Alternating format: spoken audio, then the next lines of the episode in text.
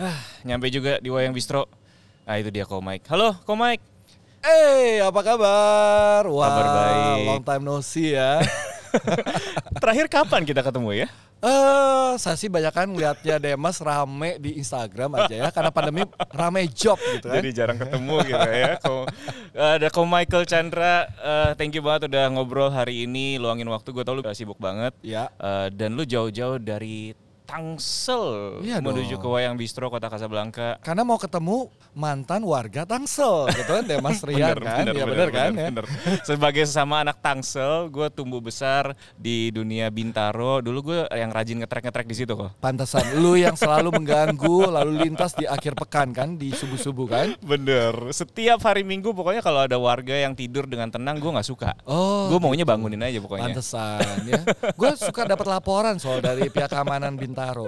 Iya, iya makanya akhirnya gue pindah ke Karangtengah. Tapi anyway, Makanya gue tidurnya lebih berkualitas Lebih tenang loh. akhir-akhir Lebih nih. berkualitas banget sekarang.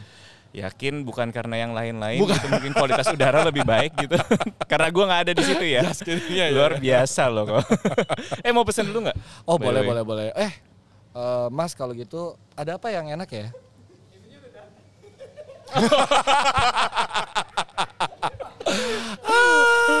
aduh Ya ya ya ya ya ya. jadi tadi gue udah pesenin Ya. es lemongrass buat lo Oh karena lu bisa mengetahui ya kurang sama kayak lu ya gue kayaknya. semacam cenayang Oh cenayang ya ya ya benar benar benar. Enggak enggak, tapi gue pesenin ini karena memang gue suka salah satu minuman favorit gue di eh, Wayang Bistro. Wayang Bistro Kota Kasablanka. Ya. Eh, ya moga-moga lu suka sambil minum aja kok. Ya, ya, Monggo, ya, ya, monggo. ya.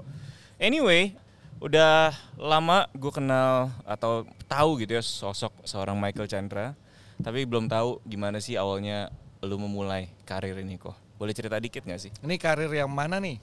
Eh, MC-an, per MC-an atau karir pekerjaan? Karir entertainment kali ya. Oke. Baik eh, itu di TV ataupun oke. wedding. Sebenarnya gue itu kan kuliahnya teknik arsitektur ya. Mhm. Pengennya memang jadi arsitek. Mhm.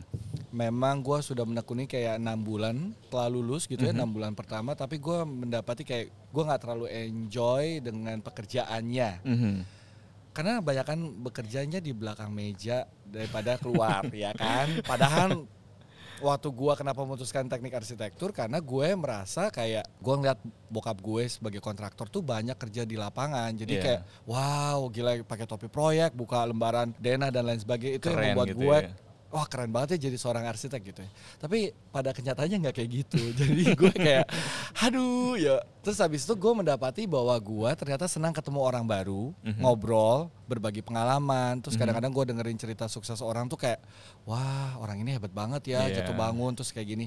Lama-lama gue suka tuh ngobrol-ngobrol, wawancara. Nah dari situ membawa gue ke pengalaman jadi seorang bankers. Hmm. Nah banyak ketemu orang karena kebetulan di financial consultant gue sebagai Mhm. uh, waktu itu jabatannya. Lalu karena ya kehidupannya kayak gitu ya dua tahun monoton, akhirnya gue memberanikan diri ngelamar ke salah satu stasiun televisi waktu itu RCTI. Terus Wow. ikut seleksi segala macem, Sorry, ngelamarnya sebagai reporter waktu itu. Wow, oke oke.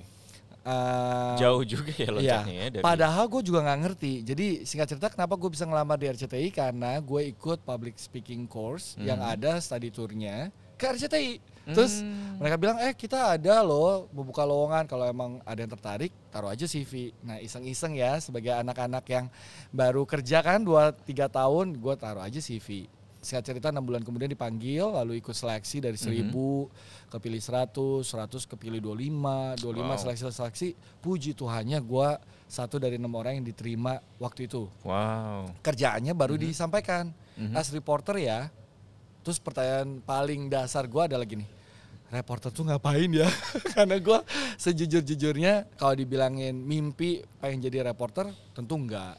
Ya Tapi kan? lu selama seleksi nggak tahu kalau itu akan jadi reporter. enggak. Jadi Di- gue cuman dites nggak? dites, ngobrol, baca baca prompter dan lain sebagainya. Aha. Tapi eh, reporter tuh cari berita mas kayak gini-gini. Oh oke, ya udah kita coba aja lah gitu kan. Nah ya, ya namanya juga anak baru kan, baru Iya, kerja iya, kan. iya, iya, Jadi ya udah gue coba. Ternyata enam bulan gue jadi reporter, dilatih dan coba turun ke lapangan langsung. Gue Mhm. jatuh cinta sama dunia jurnalistik. Di situ Mhm. gue nemuin kayak gila ya.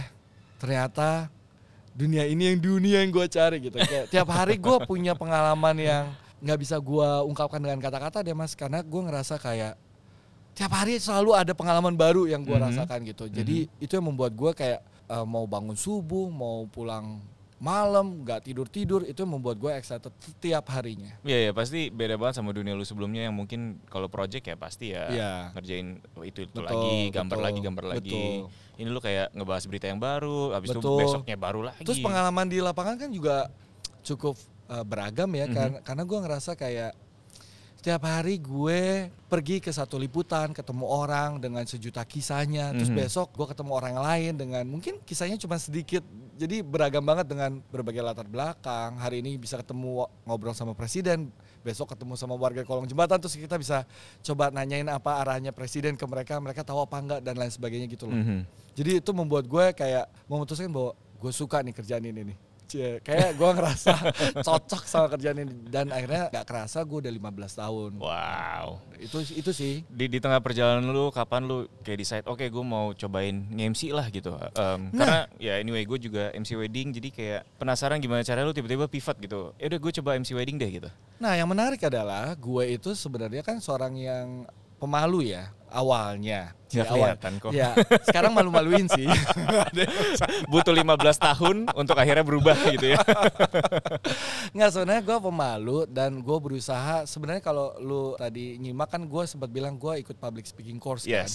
Itu sebenarnya karena gue mencoba mengatasi karakter gue sebagai seorang pemalu itu dengan melatih untuk public speakingnya dengan MC. Hmm. MC gratisan, MC gratisan. Awalnya lama-lama- MC gratisan. Betul. Yang datang dulu mana sih kalau lu jadi reporter dulu atau nge-MC dulu? Nge-MC dulu, Oh, nge-MC nge-MC dulu. dulu. Betul. Jadi gue nge-MC dulu, gue otodidak Mhm. sampai dari yang gratisan sampai dibayar. Mhm. Bayarnya mulai meningkat. Nah, Mhm. habis itu orang tua gue bilang, lu tuh nggak mau coba ya pelatihannya nggak nggak berdasarkan otodidak. Kayak misalnya, kayak, lu coba aja ambil course gitu, sehingga lu ada Hmm. secara kemampuan ada gitu loh, Ya, ada ya, ya. teknik-tekniknya gitu. Akhirnya gue ngambil Mhm. public speaking course. Nah, yang membawa gue kepada study tour yang tadi. Kalau Hmm. nyambungin, jadi kayak gayung bersambut aja gitu deh mas, kayak mendadak kayak gue. Ya, one thing leads to another. Iya kan? Iya. Jadi weekdaysnya gue bisa uh, jadi reporter, terus Sabtu minggunya gue gue bisa nge-MC. Walaupun ada juga harga yang harus dibayar. Karena kan kita sebagai reporter nggak bisa milih-milih waktu kan. Oh iya, Siapa bener. kita gitu kan. Uh, uh, uh. Oh Senin sampai Jumat saya kerjanya reporter terus Sabtu Minggu ka- karena saya ada panggilan MC saya nggak bisa nggak mungkin. Uh, ya. uh, uh. Jadi waktu itu mau ca- secapek apa pun kalau jadwalnya ada Sabtu Minggu kita liputan, gue langsung buru-buru sikat malamnya nge-MC hajar gitu. Ya itu harga yang harus lu bayar lah ya Betul. untuk perjalanan 15 tahun ini. Sekarang mungkin kita ngomongin lebih banyak tentang wedding gitu kali ya. Iya.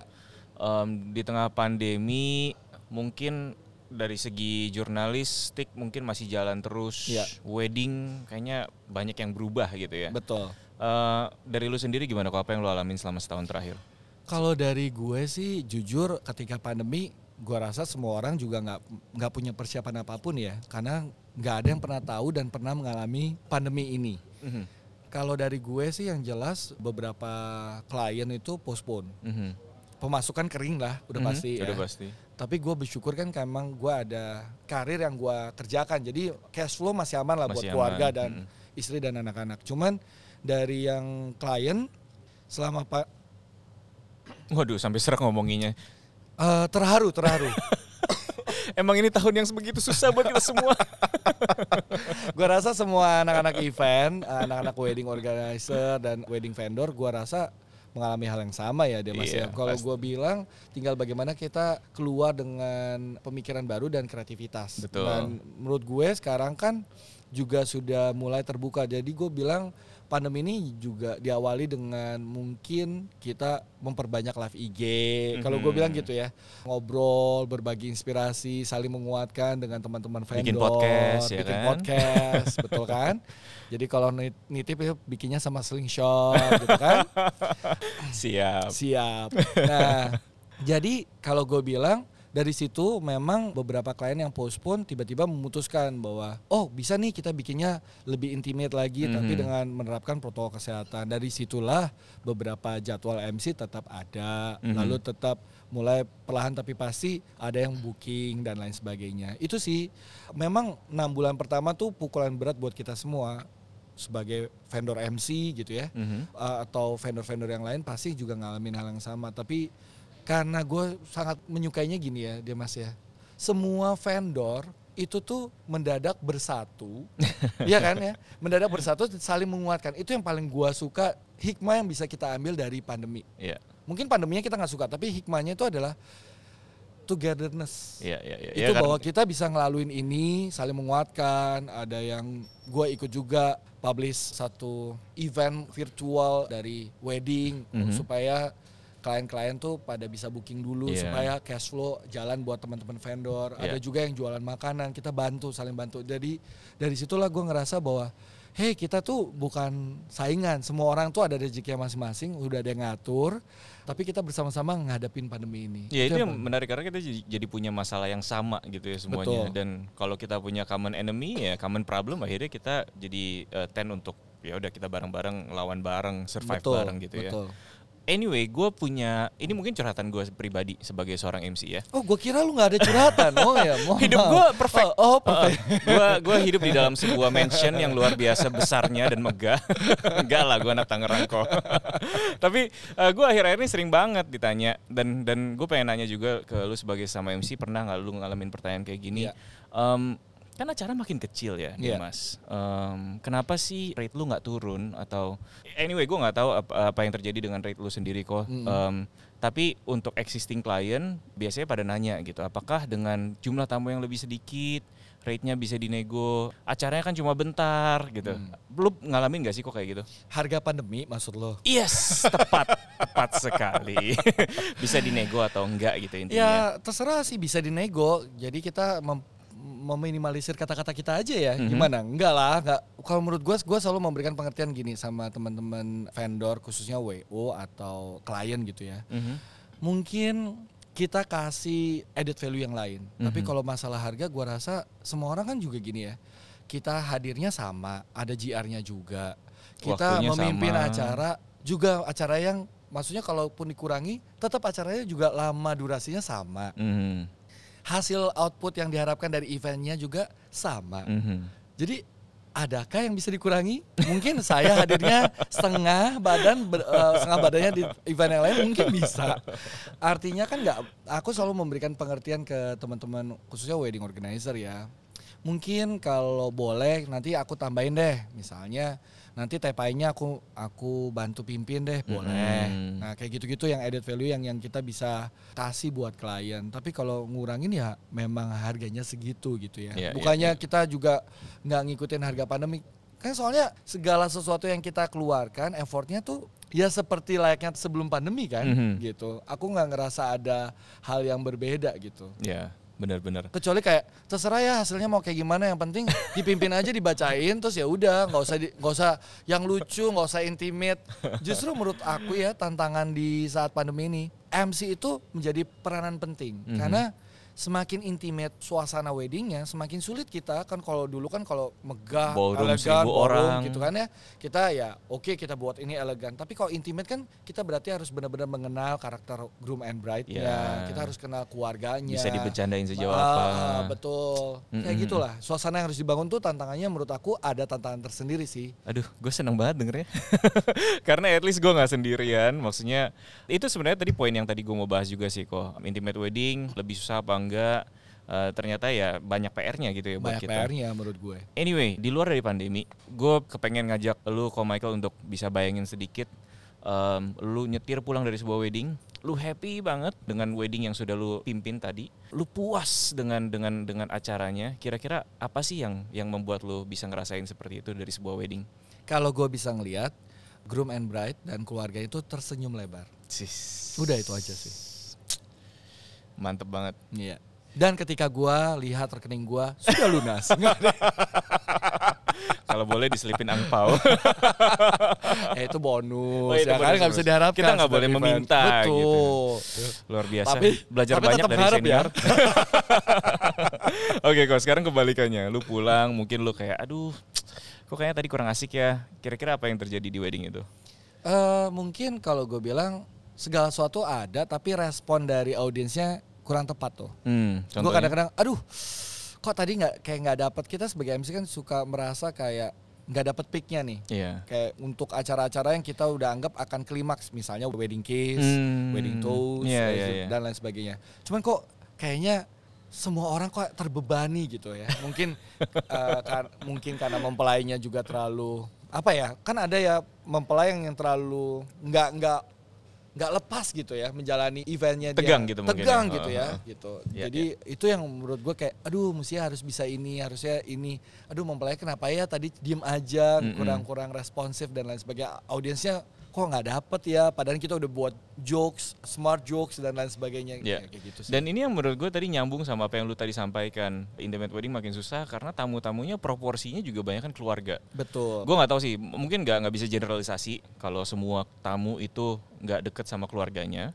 Tapi ya at least tamu biasanya lebih lepas kalau ada teman-temannya gitu kan, teman-teman Ya. deket dibandingkan 80% keluarga terus teman-temannya 20% duduk di belakang gitu. Jadi ya emang emang gue rasa lebih challenging sih akhir-akhir nih untuk bisa mimpin acara diliatin sama om tante yang mungkin nggak deket nggak nggak sedekat itu sama bride and groom dibandingin sama teman-teman. betul apalagi dia ngelihat kita masih muda-muda kan kan kita sumur kan Demas kan ya Siap. Eh, siap kan Padahal kita baru tadi- 27 ya Tadi aku mau manggilnya om loh padahal. oh mungkin itu manggil Om Agus pemilik dari Slingshot kan Aduh sponsornya banyak banget hari ini. Dibayar ya, di endorse ya sama Slingshot ya. Enggak Eh, Ko Mike, eh, I- kan balik lagi ngomongin soal intimate wedding, Iya. kayaknya MC punya beban berat, eh, tanggung jawab yang tinggi untuk mimpin acara. Betul. How how crazy can you be sih sebenarnya? Kadang-kadang klien mungkin ada yang eh, minta misalnya joget TikTok dong, bisa nggak gitu atau mimpin joget atau Gangnam Style dulu kan lagi Ya ngetren-ngetrennya. ampun deh mas, apa pun yang kalian minta, Wow. kita siap menghadirkan. Pertanyaan apa itu, Ci? Bener ya kok ya? Bener dong. Jadi pokoknya klien minta apa, segila apa pun, Hajar. hajar. Karena ini pandemi, men. kita BU. Nggak ada. Iya, Nggak, nggak, nggak. Eh, basically sebenarnya kan yang paling menyenangkan ya jadi vendor MC itu adalah kita bisa membantu menghadirkan mimpi-mimpi dari si calon mempelainya. Iya. Jadi aku selalu kalau kita misalnya datang kenalan ya sama calon mempelainya, Hmm. aku selalu nanya mimpi kalian tuh kayak gimana sih? Bayangan kalian hari haknya kalian seperti apa? Dan sebisa mungkin kita sebagai MC kita bantu untuk menghadirkan suasana itu, ambience itu. Iya. Itu yang paling menurut aku apa pun yang jadi bayangan ya misalnya gila itu wah gila banget tuh imajinasi segala macam. kita coba hadirkan ya, karena itu tugas kita menurut aku Iya, jadi kalau iya. emang dia suruh kita TikTok nanti sedikit Mike nanti joget sedikit supaya uh, pecah mari kita mainkan itu mah ah, yang penting lagi-lagi yang gua iya. paling suka adalah ketika gue pulang gua foto mempelai senyum lebar Hmm. orang tua senyum lebar Iya, iya. Om tante cemberut ya sudah lah ya. Yang penting keluarga inti sama mempelai itu senyum lebar itu udah jadi kepuasan tersendiri karena artinya kita berhasil membawa hari itu dan menjadikan hari itu hari paling berbahagia buat pasangan itu gitu. Itu Iya. itu menurut gua misi yang paling utama dari seorang MC sih. Iya, dan dan gue seneng juga lu mention uh, papa mama. Mm-mm. Karena menurut gue itu bagian yang penting juga dari kehidupannya si bride and groom. Let's say Betul. bride and groomnya udah happy, papa mamanya papa mamanya bete, kena juga gitu betul akhirnya. betul. Jadi kita harus uh, juga. pokoknya semua yang ada di atas pelaminan harus happy aja. Mhm. Ya kan? Kalau om tante ya biasanya kalau papi maminya happy, om tante biasanya happy sih. bener bener dan Ya kan? akhirnya ya kalau misalnya si keluarga inti udah happy ya Keluarga besar happy. keluarga besar happy dan kita juga ngerasa puas gitu dengan Betul. ngerjain apa pun yang kita kerjain. Ah, gue belajar banyak banget dari uh, Masa obrolan sih? kita. Masa, gua- masa? catatan gue penuh loh. Nih catatan gue. Uh, anyway, uh, terakhir kok, Ya. uh, mungkin gue mau nanya beberapa situasi-situasi yang mungkin nggak pernah kejadian sama gue, tapi in my wildest dream kayaknya bakal bakal gila sih dan dan gue gue sendiri nggak kebayang ngadepinnya gimana. Mm-mm. Tapi gue mau lu jawab dengan cepat. Wis. Siap. Jawab cepat kan, belum tentu jujur kan? Eh, ya cepet aja. Biasanya kan yang cepet yang jujur gitu. Iya, iya. oh gitu ya. Iya. Oke, udah siap? Siap lah. Belum pernah lihat eh, situasi-situasi ini sebelumnya. Yang pertama, gimana kalau misalnya kliennya tiba-tiba marah, nangis di panggung? Ah, gue Breakdown. tinggal. Enggak ada yang bercanda. Mohon maaf. Mohon maaf. Belum belum foto bersama nih, Belum ceritanya baru opening bersama. gitu. Tiba-tiba dia breakdown. Sebenarnya itu pernah kejadian. Jadi kalau gue eh, langsung gue minta yang paling penting adalah kita perlu regroup sama wedding organizer-nya. Mhm. Ya kan untuk mengetahui situasinya apa yang terjadi nih gitu Iya, kan. iya. Wih, Jadi- ini oke, um, Ini- ya gue nggak mau ter, gue gue mau ter, gue nggak nggak mau tanya terlalu detail deh. Iya, oke. Heeh. Pokoknya karena satu dan lain Iya, hal iya, dia iya. nangis lah ya. Ntar panjang nih, Oh, iya, jadi iya, jadi iya, dua oke, part oke. ini. Iya, iya. ya. Nah, waktu itu gue langsung karena ngeliat mimiknya kayak gitu, langsung gue lempar ke entertainment. Hmm, Yang paling penting kan itu dulu ya. Bener. Nyanyi dulu, baru kita regroup sama wedding organ- organizer nanya, apa yang terjadi gitu kan. Mhm. Lalu wedding organizer biasanya kan sebagai orang yang tahu semua situasi, dia akan menjelaskan, gini Mike, ternyata kayak gini gini gini di belakang layarnya kayak gini gini gini gini. Hmm. Oke, langsung gue datang ke kliennya, si Mhm. mempelainya. Mau coba men- mencari tahu apa nih sambil gue bilang WO-nya putar dua lagu pokoknya sampai urusannya kelar dulu ya gitu ya. kita selesaikan dulu apa sih ini nangisnya bukan karena performance kita ya Hmm. ini eh, karena Iya, ada iya, iya. hubungan dengan Eh, eh, apa pun itu kecuali eh, dari eh, vendornya. vendor gitu Eh, ya bukan bukan berhubungan sama vendor tapi berhubungan sama internalnya mereka Iya. jadi waktu itu gue nanya ya jadi maunya kalian seperti apa nih kayak gini-gini kalian masih ini nggak terus biasa wo ngambil tisu dan lain sebagainya kita amankan dulu tenangkan dia dulu minum kasih segala macam. Kita lanjut ya. Oke. Langsung kita kasih cue ke wedding organizer. Makanya penting nih MC selalu berkoordinasi sama wedding organizer. Lalu dia kasih cue ke entertainment lalu kita ambil alih lagi dan eh, pastinya ada sedikit eh, apa ya Kecanggungan. kecanggungan sudah pasti Hmm. tapi kan uh, the show must go on kan Ya. ya kan kita nggak mungkin tiba-tiba suruh tamu-tamu pulang dan acara dibubarkan tapi kita the show must go on ya uh, uh, tetap mimpin mengurangi sedikit bercandaan sama mempelainya Mhm. karena nggak in the mood Ya. ya kan hari itu tapi yang jelas itu salah satu taktik yang gue pakai waktu itu sih jadi kita harus benar-benar ngorek dulu udah udah bisa lanjut nggak nih kalau nggak putar aja terus musik Iya iya iya benar-benar. Dan yang penting mesti tenang sih ya. iya betul Karena Ka- gue gue nggak pernah ngalamin kayak gitu. Mungkin gue akan mungkin gue akan bengong dulu. Baru kayak oh iya entertainment mesti main gitu ya. Iya. Karena kita jangan memposisikan kita sebagai MC. Oh, gua kan nggak nggak tahu nih apa yang terjadi. Biarin aja, we. Menurut gua once kita udah di stage, itu acara malam itu itu Udah tanggung jawab tanggung jawabnya MC iya itu. iya. Ya sekalian kalau misalnya ada yang breakdown lu counseling juga ya jadinya ya. Oh ya, sebenarnya ini panggilan jadi Panggilan lu Tuhan. banyak banget mohon maaf. Dari arsitek jadi jurnalis. ya, Jadi. Kalau nggak hamba Tuhan, motivator. Wow, Gitu ya. luar biasa. Mario Teguh. Kok Mike situasi yang Ya. kedua? Ini ini mungkin lebih sering eh, kejadian. Ini Ta- jawabannya cepet tapi panjang ya. Iya, nggak apa-apa, nggak apa-apa. Yang ya. penting dari hati Iya. ya. Tamu marah-marah, minta giliran foto bersama untuk dipercepat. Aduh. Gimana Udah, solusinya? Silakan pulang. Nggak ada. Oh maaf, Nggak. saya nggak layanin gitu. Kalau saya enggak, kalau gue selalu dengan senyum ya. Mhm. Itu yang gue belajar, itu kan kejadian terus menerus ya Demas Mhm. ya. Percaya atau enggak? Kayak semua orang merasa saya ini opungnya gitu kan. saya ini teman sekolah bapaknya. Saya ini teman arisan semua ngaku paling dekat dan harus pertama. Iya. Karena ada lagi yang saya ini tinggalnya di Bandung. Saya Aduh. ini mau pulang sekarang. Saya ini banyak Iya. dan itu MC selalu dapat PR itu. Jadi satu-satunya yang gue selalu pakai taktik gue ada dengan senyum. Iya tante, tante memang sudah dalam urutan yang akan difoto. Tapi tunggu dulu ya. Ya, gitu. Janji-janji. itu di balik senyuman itu Di balik senyuman ada itu ada. kesabaran yang sangat tinggi. Betul. Dan sekarang tahu kan kenapa MC bayar mahal? Karena kesabarannya yang panjang ya. Iya iya, gue gue gue pernah ngalamin itu kayak eh, buset ada satu sisi ya dari sisi barat, utara semuanya datang semuanya minta foto dulu. Betul. Nah makanya semuanya biasanya aku gini. Oke, betul. Yang pertama ya, kedua, ketiga. Nah Mhm. tapi kan kadang-kadang ada juga ya dari keluarganya kan, ah aku mau yang ini dulu. Wah itu biasanya aku langsung minta maaf untuk yang A, mohon lebih sabar lagi gitu. Iya, biasanya iya, ya iya, itu iya. efektif dan ampuh loh. Kalau kita minta maaf kayak dengan kerendahan hati, mohon sabar sejenak karena ada special request gitu-gitu. Mhm. Dan biasanya orang lebih ngerti dan kalau mereka sudah foto walaupun sudah nunggu lama, kita ucapkan terima kasih banyak buat kesabarannya, orang sabar, disayang Tuhan gitu. Itu efektif tuh. Di dalam Matius dan Yohanes ya, dia ya. jadi khotbah. kita angkat satu pujian gitu. Kok yang terakhir ngomong-ngomong soal pujian tadi, Ya. Wah, situasinya situasinya berhubungan dengan itu. Ya, Eh, ada tamu emang dikasih sumbang lagu sama Iya. sama keluarga. Oh, dikasih kesempatan Dikasih kesempatan, dia maju, eh, udah interview, udah asik. Tiba-tiba pas nyanyi, eh, memang dia pengen sumbang lagu, tapi ternyata suaranya, Suaranya sumbang, sumbang. banget. Oke.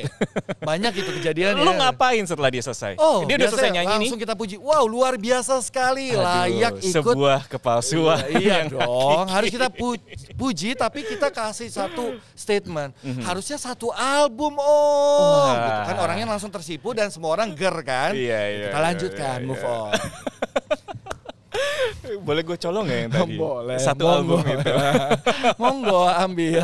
itu nggak pernah kejadian ke gue tapi yang gue sering gue alamin adalah tamu-tamu kayak nahan ketawa terus teman-teman di entertainment udah kayak aduh gimana nih udah nahan Iya. ketawa juga Em, dan biasanya yang ditunggu-tunggu adalah komentar MC-nya setelah Betul. itu kan Memang itu artinya um, kita dituntut menurut gue bukan kita menertawakan orangnya ya, Mhm. kita mengapresiasi tapi biarkan orang mengartikan sendiri apa yang kita sampaikan. Kan kita Iya. nggak bilang sesuatu yang jelek kan. Iya. Wah om, tadi ngerok banget gila, pasti haus ya, pasti haus ya gitu. Iya, iya, Ya iya, kan, iya, gitu. iya. Hal-hal yang kita mengapresiasi tapi juga ya silakanlah audiens mengartikan sendiri gitu kan. satu ya. album aman sih tadi Ya ya. aman. Atau biasanya kayak mesti minum lagi deh itu Om ya.